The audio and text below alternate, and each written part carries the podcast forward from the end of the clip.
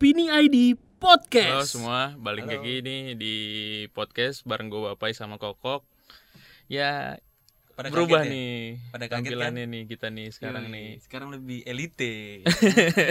Dulu cuma di ruangan-ruangan kecil ya kan. Sekarang udah di studio podcast. Di studio nih. podcast. Kita sekarang lagi di tempat yang cukup penting, Iya, ya kan? bener banget. Eh, kita hari ini bakalan ngobrol soal yang penting juga Mm-mm. karena Format kita juga berbeda. Betul. Sekarang ada audio visual, ada di YouTube, ada videonya. betul karena kita hari ini bakalan ngobrol yang penting kenapa? Karena ini adalah eh, podcast The Guru yang kita bikin nggak beda lah sama podcast Beda- kita yang beda lama banget, gitu. ya kan? karena Beda. hari ini kita ngedatengin tamu untuk Ya. ngobrolin eh Ngobrol inspiratif bareng orang-orang yang menurut kita tuh penting banget gitu lah. ya ya sharing Ngomong- pengalaman Sharing soal pengalaman. apa yang dari kita nggak tahu gitu jadi The Guru tuh ya kita mau belajar nih ceritanya nih gitu Iya, Bener banget. Nah, kebetulan kita dapat kesempatan apik nih. betul ngobrol bareng eh, salah satu orang penting ting ting di KPK. Ya. siapa, Siapa kok nih? Siapa nih? coba silakan Siapa diperkenalkan beliau? Coba langsung aja kita perkenalkan nih. Pak Isna ini. Silakan, Pak. Ya, kalau dibilang penting nggak juga sih mas. Nggak juga. Biasa-biasa aja. Biasa saja ya, Pak. Nah, Pak Pak Isna ini eh, direktur LHKPN KPK ya, Pak? Betul. Betul. Ya, Jadi kita bakalan ngobrolin soal LKPN apa? kenapa? LKPN apa? Tuh, ya, lu aja nggak tahu ya kan. Laporan harta kekayaan pejabat negara. Nah, itu buat kalian-kalian yang nggak tahu itu LHKPN. Iya. Kalau gue sih tahu. Iya. Boleh saya koreksi mas ya? Iya. Boleh saya koreksi ya. Jadi bukan laporan kekayaan pejabat negara. Tuh. Salah lagi. Laporan harta kekayaan penyelenggara negara. penyelenggara negara, Penyelenggara negara. penyelenggara negara gitu. Jadi yang kita bakal ngobrolin hari ini tuh buat apa pejabat publik tuh jujur dan transparan gitu. Gimana sih eh, laporan harta kekayaan ini bisa menanggulangi hal itu Iya. gitu. Nah, kalau misalnya dari Pak Isna ini ada yang mau disampaikan gak soal LHKPN akhir-akhir ini, Pak? Ya. Eh, LHKPN itu adalah suatu produk dari KPK untuk eh, atau fungsinya untuk eh, melakukan pencegahan korupsi di Indonesia. Kenapa disebut pencegahan? Karena LHKPN itu salah satunya berfungsi untuk preventif ya. Artinya begini. Dengan seorang penyelenggara negara itu melaporkan harta kekayaannya, kemudian juga eh, harta kekayaannya itu kita publish di luar, eh, masyarakat bisa mengetahui gitu kan eh, seberapa besar gitu perubahan eh, harta kekayaan yang dimiliki oleh penyelenggara negara eh, sebelum dia menjabat dan sesudah menjabat.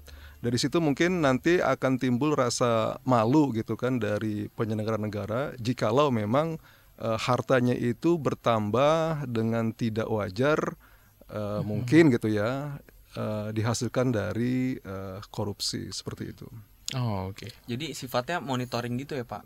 Maksudnya eh, membuka harta kekaya harta eh, penyelenggara penyelenggara negara sebagai tanggung jawab dia ke publik gitu ya. Betul, seperti itu.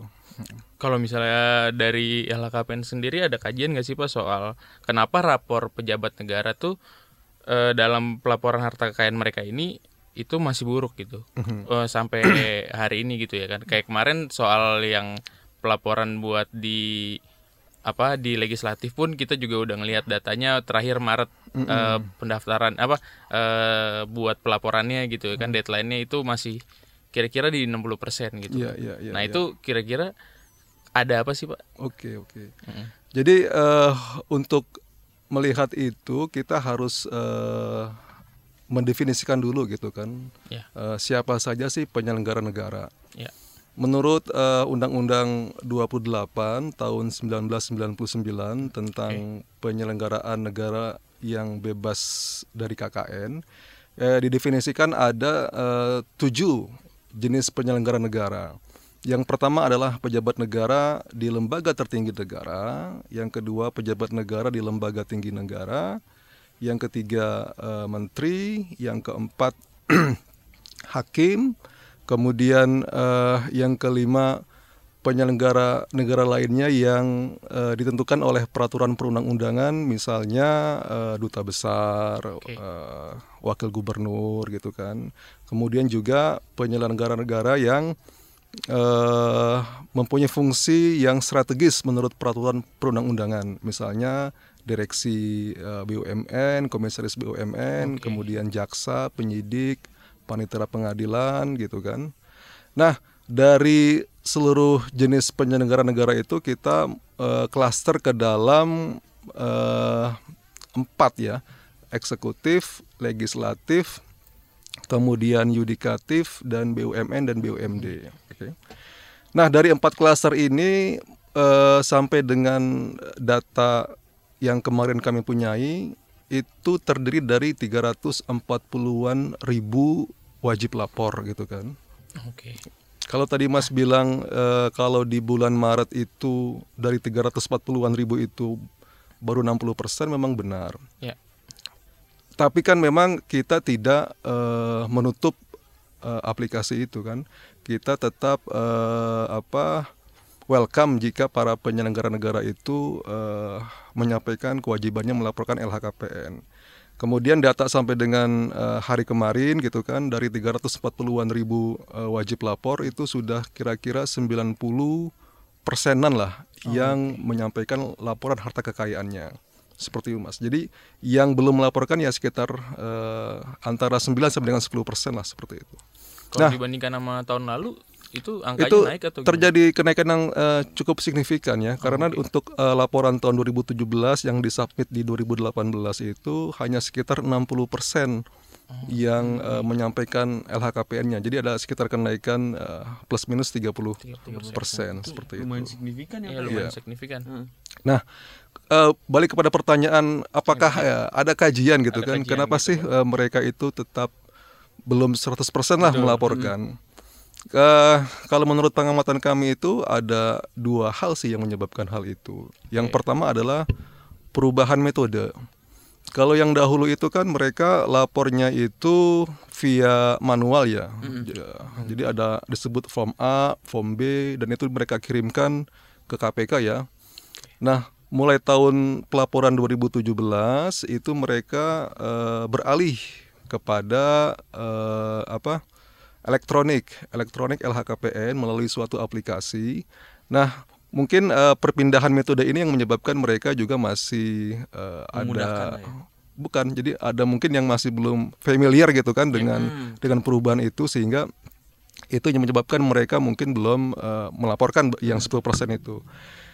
Eh penyebab yang kedua adalah karena memang belum ada ketentuan mengenai sanksi administrasi yang bersifat nasional bagi yang tidak melaporkan LHKPN. Jadi karena tidak ada sanksi jika dia tidak melaporkan LHKPN, makanya mungkin ah tidak ada sanksinya gitu kan ngapain iya, iya. ngapain lapor Nggak gitu ada kan. konsekuensinya Iya, gitu ya. gitu, Oke, oke. seperti Berarti itu. belum ada sanksi administratif Iya. mungkin itu Yang berlaku secara nasional. yang berlaku Oh, secara iya. nasional. Jadi eh, nggak berlaku secara nasional berarti ada beberapa doang gitu. Iya, artinya ada eh, beberapa instansi gitu kan eh, yang eh, berinisiatif gitu kan membuat aturan mengenai sanksi gitu kan. Jadi jika mereka tidak eh, melaporkan LHKPN-nya, mereka akan diberikan sanksi misalnya gitu kan berupa penundaan pembayaran apa seperti itu. Oh, oke. Kalau sanksi yang mereka terima juga sifatnya administratif, Administratif, juga gitu ya. Administratif juga, juga. seperti Oh, itu. oke. Lembaga mana tuh Pak yang kira-kira eh, memperlakukan itu gitu? Banyak Contoh sih Mas, banyak. Eh, kalau saya bisa ambil contoh misalnya Kementerian Energi dan Sumber Daya Mineral Oh, gitu oke. kan. Kemudian juga Kementerian Keuangan juga melakukan hal itu. Itu memang sangat membantu bagi kami untuk eh, meningkatkan kepatuhan eh, penyelenggara negara di kedua instansi tersebut. Seperti itu, Mas. Kalau misalnya di legislatif berarti belum ada aturan soal itu ya, Pak. Legislatif eh, sepertinya belum ada. Belum ada ya? Belum ada. Tapi untuk update-nya sampai sekarang ini eh, yang kita update kan hari ini ada pelantikan gitu ya, Pak dari seluruh pejabat yang dilantik kira-kira eh, berapa persentasenya Pak yang sudah dilaporkan? Baik, khusus untuk eh, legislatif 2019-2024 ya yang pagi tadi itu dilantik, mereka sudah seluruhnya sudah 100% melaporkan uh, LHKPN-nya. Oh, oke. Syukurlah. Karena karena ini memang uh, salah satu persyaratan ya. Ya. Salah satu persyaratan dari KPU bahwa jikalau ingin diajukan namanya ke presiden untuk dilantik maka harus uh, melaporkan LHKPN seperti itu. Oh, oke. Oh, ini persyaratan dari KPU berarti. Persyaratan ya, dari KPU. Makanya harus ditekan sedikit gitu. Ya, kalau misalnya mau ngomongin soal pelaporan juga, Pak, kita juga ada pertanyaan soal eh, ada nggak sih, Pak, soal temuan pejabat yang misalnya emang rajin Mm-mm. eh, penyelenggara negara lah ya kita ngomongnya. Kalau misalnya emang rajin buat melaporkan hartanya gitu, tapi terkena kasus korupsi gitu, Pak. Misalnya, apakah itu eh, ada sangkut pautnya atau enggak sih, Pak, soal dia ngelapor dan nanti dia punya sifat-sifat koruptif itu? Ya. Kalau ditanyakan seperti itu ada. Ada ya? Ada. Kalau diminta lagi contohnya apa gitu kan? Iya. Ya. Yang baru-baru ini aja Mas misalnya eh, mantan menteri olahraga gitu kan. Ya. Pak Imam Nahrawi gitu kan. Eh, beliau itu eh, sangat bukannya sangatnya rajin lah eh, melaporkan LHKPN-nya baik semenjak beliau eh, jadi anggota DPR, kemudian juga saat beliau menjadi menteri eh, pemuda dan olahraga gitu kan. Oke. Jadi kalau ditanyakan eh, apakah ada kaitannya gitu ya LHKPN dengan eh, korupsi gitu Ya. kan? Ya itu bilang apa? Sorry, itu yang tadi saya bilang bahwa eh, LHKPN itu mempunyai tiga fungsi gitu kan. Ya. Yang pertama adalah fungsi preventif, yang kedua fungsi detektif, kemudian yang ke ketiga itu fungsi support untuk penindakan.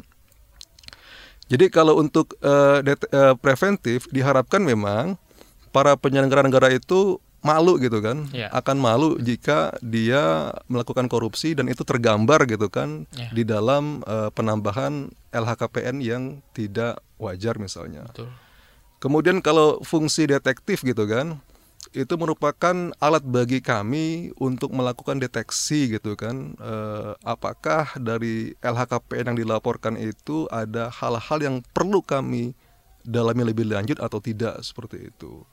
Kemudian kalau fungsi support bagi penindakan itu, ya jikalau dia misalnya eh, terkena kasus di KPK, maka nanti LHKPN itu menjadi salah satu sumber bagi unit penindakan untuk melakukan misalnya aset tracing gitu kan untuk kebutuhan misalnya penyitaan dalam konteks untuk pemulihan kerugian keuangan negara seperti itu.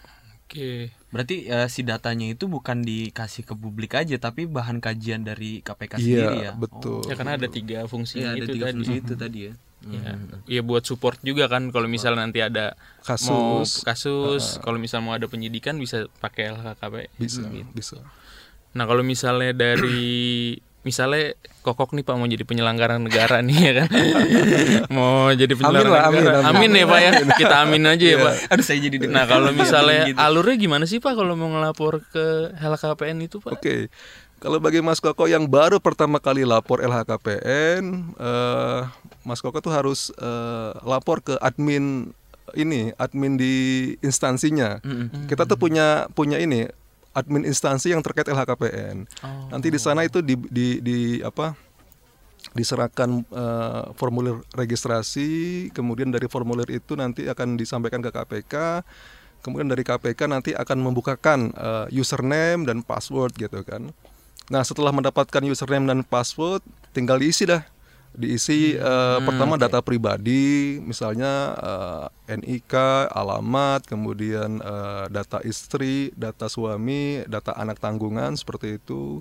Kemudian setelah itu baru diisi juga data mengenai harta kekayaan. Jenisnya misalnya ada eh, harta bergerak, misalnya peralatan dan alat transportasi gitu kan. Kemudian harta tidak bergerak misalnya tanah dan bangunan. Kemudian juga misalnya surat-surat berharga eh, misalnya saham gitu kan. Ada kas dan setara kas, kemudian harta lainnya misalnya piutang. Nah, setelah eh, harta semuanya diisi juga dapat diisi juga mengenai eh, hutang. Kita mem- mempunyai hutang di mana saja gitu kan. Kemudian yang terakhir itu kita mengisi eh, berapa sih eh, penerimaan kita dalam setahun dan kira-kira berapa sih pengeluaran kita dalam setahun. Oke. Ya, itu untuk pelaporan pertama kali ya. Ya. Kemudian eh, untuk tahun selanjutnya eh Kalau lanjut gitu Iya. ya, Pak ya. Iya. pasti lanjut lah gitu. kan minimal kalau jadi pejabat itu kan eh, misalnya anggota DPR kan lima tahun Lima gitu tahun kan, bener ya. ya, Pak. Berarti tiap tahun ya, Pak. tiap tahun harus eh, tinggal diupdate saja itu mas diupdate saja misalnya eh, harta tidak bergeraknya tanah bangunan itu misalnya nambah berapa gitu kan kemudian misalnya kas dan setara kas tabungan deposito nambah berapa itu tinggal dilaporkan saja update-nya seperti itu Oke. Mm-mm. Nah, kalau misalnya itu kan tadi ada harta bergerak dan tidak bergerak, Pak. Nah, kalau pernah lihat juga di LKPN kan ada eh, harta yang wajar dan tidak wajar gitu, Pak. Iya iya iya Nah, kalau itu klasifikasinya apa sih, Pak? Ukurannya gitu. yang wajar sama yang nggak wajar tuh kalau menurut LHKPN gimana, Pak? Oke. Sebenarnya untuk sampai ke kesimpulan wajar tidak wajar itu masih eh, jauh ya. Masih jauh Kita ya, Pak. baru pertama kali eh, indikasi gitu kan. Indikasi. Indikasi. Misalnya nih ya, eh, kenaikan hartanya itu tidak sebanding eh, dengan penghasilannya gitu kan. Hmm. Kemudian misalnya juga terdapat eh, harta-harta yang berasal dari hibah yang jumlahnya signifikan seperti itu. Kemudian juga misalnya kenaikan hartanya tidak sebanding dengan hutangnya gitu kan. Itu baru indikasi-indikasi aja, Mas. Nah, dari indikasi-indikasi itu kita lakukan pemeriksaan lah gitu kan. Kita lakukan pemeriksaan atau setelah itu kita lakukan klarifikasi. Baru setelah itu kalau menurut eh, analisis kita gitu kan memang ini hartanya eh, tidak wajar gitu kan baru kita bisa sampaikan kepada unit lain yang di KPK. Misalnya adalah unit eh, pengaduan masyarakat untuk ditelaah lebih lanjut gitu Mas eh, oleh mereka. Untuk dicari misalnya unsur-unsur apakah memang telah terjadi peristiwa tindak korup tindak pidana korupsi di situ atau tidak seperti itu. Menarik ya, karena kalau misalnya saya juga kebayang sih Pak kalau misalnya ada ditemuin gitu pejabat yang kira-kira wah nih ratusan miliar nih misalnya gitu ya, bisa kita bilang kayak gitu ya kan. Eh, itu belum hartanya ten- gitu belum ya kan. tentu terindikasi korupsi juga. Iya, tapi- apakah eh apa eh di situ kita sudah bisa curiga gitu. apa nah itu gimana Kalau Pak? pertama kali curiga sih boleh saja Ju- gitu, oh, boleh, boleh. iya, Pak. Nah, tapi kan memang kita harus melihat juga profil dari Profile, ya. penyelenggara negara tersebut gitu kan. Apakah dia sebelum jadi penyelenggara negara dia latar belakangnya pengusaha gitu kan? Atau misalnya dia eh, anak dari seseorang yang kaya raya seperti itu kan itu juga harus kita ketahui latar belakangnya. Jadi curiga boleh tapi ya harus kita buktikan kecurigaan tersebut gitu kan. Berarti di divisi penjagaan ini juga ada tim riset buat nyari latar belakang profil para penyelenggara negara ini, Pak. Iya, di di tempat kami ya ada gitu kan. Kalau memang kita pandang perlu untuk kita lakukan profiling ya kita akan lakukan profiling seperti itu. Oke. Eh, soal LHKPN ini saya belum belum belum dapat poinnya saat mencegahnya tuh di mana. Saya tadi mikirnya tuh eh, mencegahnya tuh eh, sebagai data. Kalau nanti itu nanti akan dibuat bekal buat nangkap juga gitu RTT-nya berarti sifatnya itu bukan ke eh, ke publik ya pak? Bukan secara langsung eh eh, lu munculin sifat jujur lu gitu bukan LKPN nggak ada di situ gitu Jadi pencegahannya itu kembali kepada diri pribadi penyelenggara negara gitu ya, Penyelenggara. Oh, oke. gitu kan. Jadi Iya. eh, artinya begini, dia untuk korupsi takut gitu kan karena nanti eh, hasil korupsinya itu akan tercermin di LHKPN misalnya. Jadi Iya. mencegahnya dalam arti Itu. itu gitu. Oh, oke. Seperti itu. Jadi kayak memberi eh, tanggung jawab beban tanggung Iya. jawab yang besar Iya. gitu ke dia ya. Ya maksudnya analoginya kalau misalnya lu punya duit 5000 terus tahun depan punya 10000 tapi penghasilan lu cuma 2000 kan itu Iya, pasti iya, iya. dipertanyakan gitu Iya, kan. iya. Nah, jadi pas mau ngelaporin lagi tahun depan jadi agak Ya, takut jadi agak gitu ya, takut. Pak. Itu. Iya, iya. Itu pencegahannya itu. di situ. Pencegahannya di situ ya. Nah, menarik Iya. juga sih. Berarti emang kalau misalnya ada eh, edukasinya nggak sih Pak? Masalah ke penyelenggaraan negara Ah. ini kalau misalnya soal LHKPN-nya gitu. ah, LHKPN ini gitu. Kalau misalnya eh, atau mungkin ke masyarakat deh gitu. Kalau Hmm. misalnya ini tuh pentingnya di sini gitu. Iya, makanya kita eh, membuka akses kepada masyarakat untuk eh, melihat Oke. profil harta kekayaan dari para penyelenggara negara. Harapan kami sih dengan dibukanya akses tersebut eh, masyarakat luas bisa menilai gitu kan apakah memang eh, misalnya harta yang dilaporkan oleh penyelenggara negara itu sudah lengkap atau belum seperti itu Oh, oke. kira-kira oke. seperti itu Ya, menarik sih, tapi yang ada lagi nih, Pak, masalah soal banyak juga kalau misalnya kita kemarin dengar soal dari eh, eksekutif gitu, Pak. Terutama menteri lah yang banyak eh, ada kasus gitu ya kan. Nah, kalau misalnya persentasenya eh dari ek- bid- eksekutif tahun ini berapa, Pak? Eh, yang melaporkan? Kalau dari eksekutif itu kalau kita bicara eh, berarti kan dia pemerintah, Pemerintah. pusat ya dan pemerintah daerah gitu ya. Ya. Kalau tahun sekarang itu sekitar 92 persenan lah Oh, yang sudah ya. melaporkan eh, hartanya kepada kita seperti Ya. itu.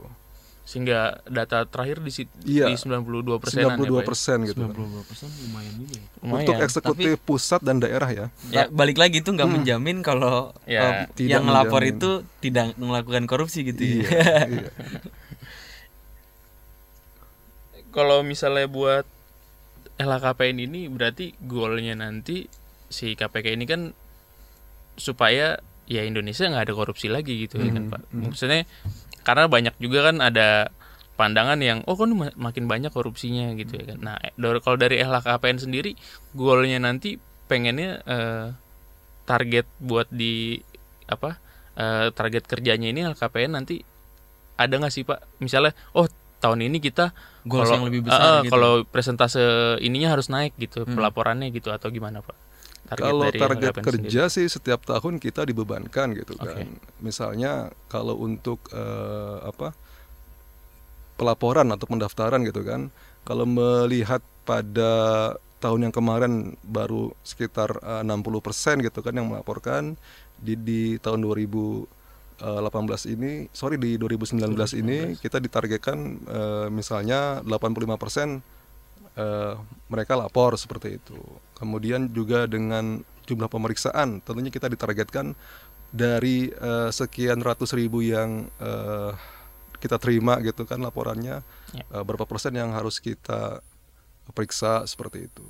Hmm, lumayan banyak juga berarti Banyak kerjaannya. lagi lagi ngebayangin aja nih Pak. Berarti dari soal apa eh ini kan pendaftaran dan pelaporan gitu ya Pak. Pendaftaran dan aja- pemeriksaan. dan pemeriksaan ya Iya. Pak. Itu udah udah banyak banget gitu Iya. eh, yang dikerjain gitu. Nah, kalau misalnya dari eh selain target kerja itu mau ngomongin soal operasional nih Pak. Hmm. Nah, kalau misalnya operasionalnya sendiri tuh Sehari-harinya eh, ngapain eh, gitu? sehari-harinya gimana sih? Iya, kalau iya, tim LHKPN yang boleh dikasih tahu aja nih Pak. ya. kan KPK lembaga independen kan Iya. mungkin nggak boleh semuanya dikasih tahu gitu. Iya iya iya. Kalau di eh, bagian pendaftaran, tentunya kita bagaimana meningkatkan eh, tingkat kepatuhan dari penyelenggara negara gitu kan. Jadi apa yang kita lakukan tiap hari ya eh, kita melakukan misalnya eh, himbauan gitu kan kepada para PN yang belum melaporkan harta kekayaannya. Oke. Kemudian eh, jikalau dia sudah melaporkan harta kekayaannya, kita akan melakukan verifikasi atas eh, laporan yang disampaikan. Sebagai contoh gitu kan, misalnya kemarin itu ada eh, penyelenggara negara yang melaporkan kepemilikan tanah gitu kan, eh, 8 miliar gitu. Sampai 8 miliar eh, harganya gitu ya, Pak. Dari situ kita melakukan konfirmasi kembali baru setelah itu diketahui gitu kan bahwa yang bersangkutan salah mencet angka gitu kan jadi kelebihan angka nol Oh, oke. Harus- Lupa. iya harusnya 800 juta kemudian Iya. jadi 8 miliar gitu kan Oh, itu oke. kemudian setelah itu juga kita melakukan eh, setelah kita verifikasi kita eh, mencantumkan jika sudah lengkap itu ke ini eh, e-announcement gitu kan. Jadi ada alam- alamatnya itu di ilhkpn.kpk.go.id itu nanti ada menu e-announcement. Jadi bagi para masyarakat yang ingin mengetahui eh, LHKPN dari seorang penyelenggara negara, tinggal ketik namanya saja. Namanya siapa? Misalnya namanya Isna ini, tinggal tulis Isna ini, kemudian klik search, maka nanti akan keluarlah eh, ikhtisar dari LHKPN eh, Isna ini gitu kan. Ya. Nah dari situ masyarakat bisa eh, melihat gitu ke apakah benar gitu kan Ya. seluruh harta kekayaan yang ada sudah dilaporkan atau belum. Nanti kalau memang ada yang belum dilaporkan, eh, masyarakat bisa eh, memberikan komentar di situ. Kita Oh. sediakan kolom, kolom komentar. Kolom komentar. Mm-mm. Tinggal ditulis saja eh, harta apa yang belum dilaporkan. Nanti kita tindak lanjuti seperti itu.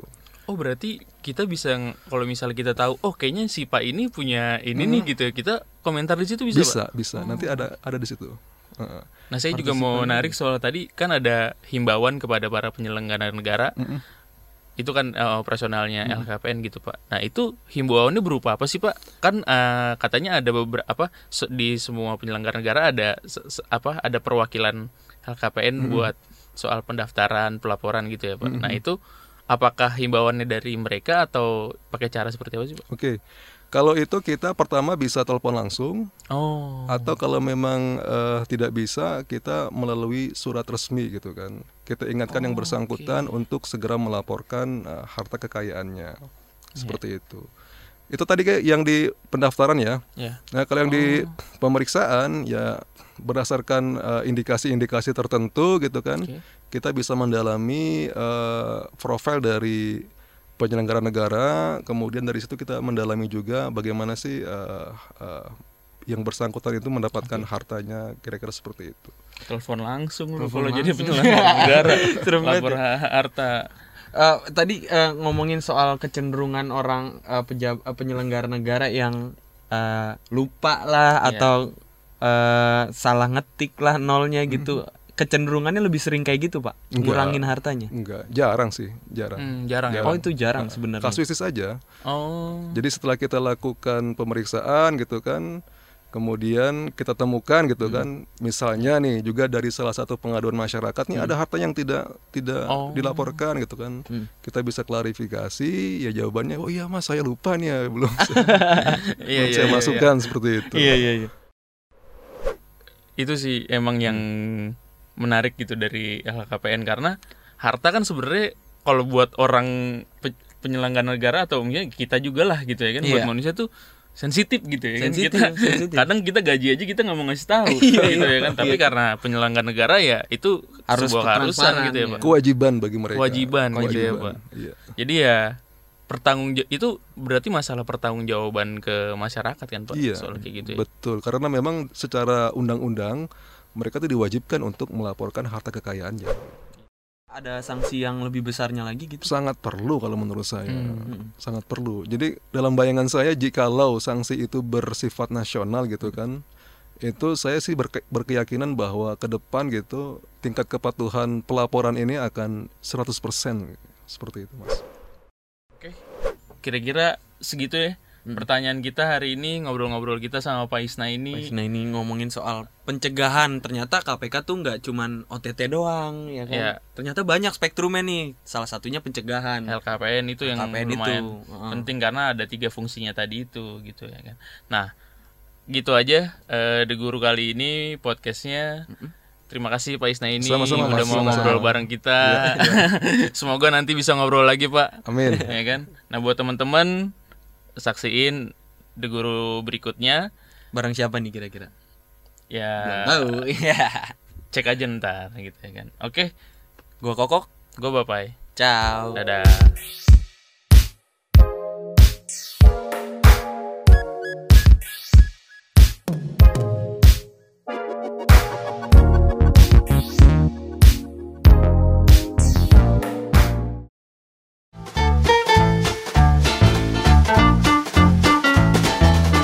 Opini ID Podcast.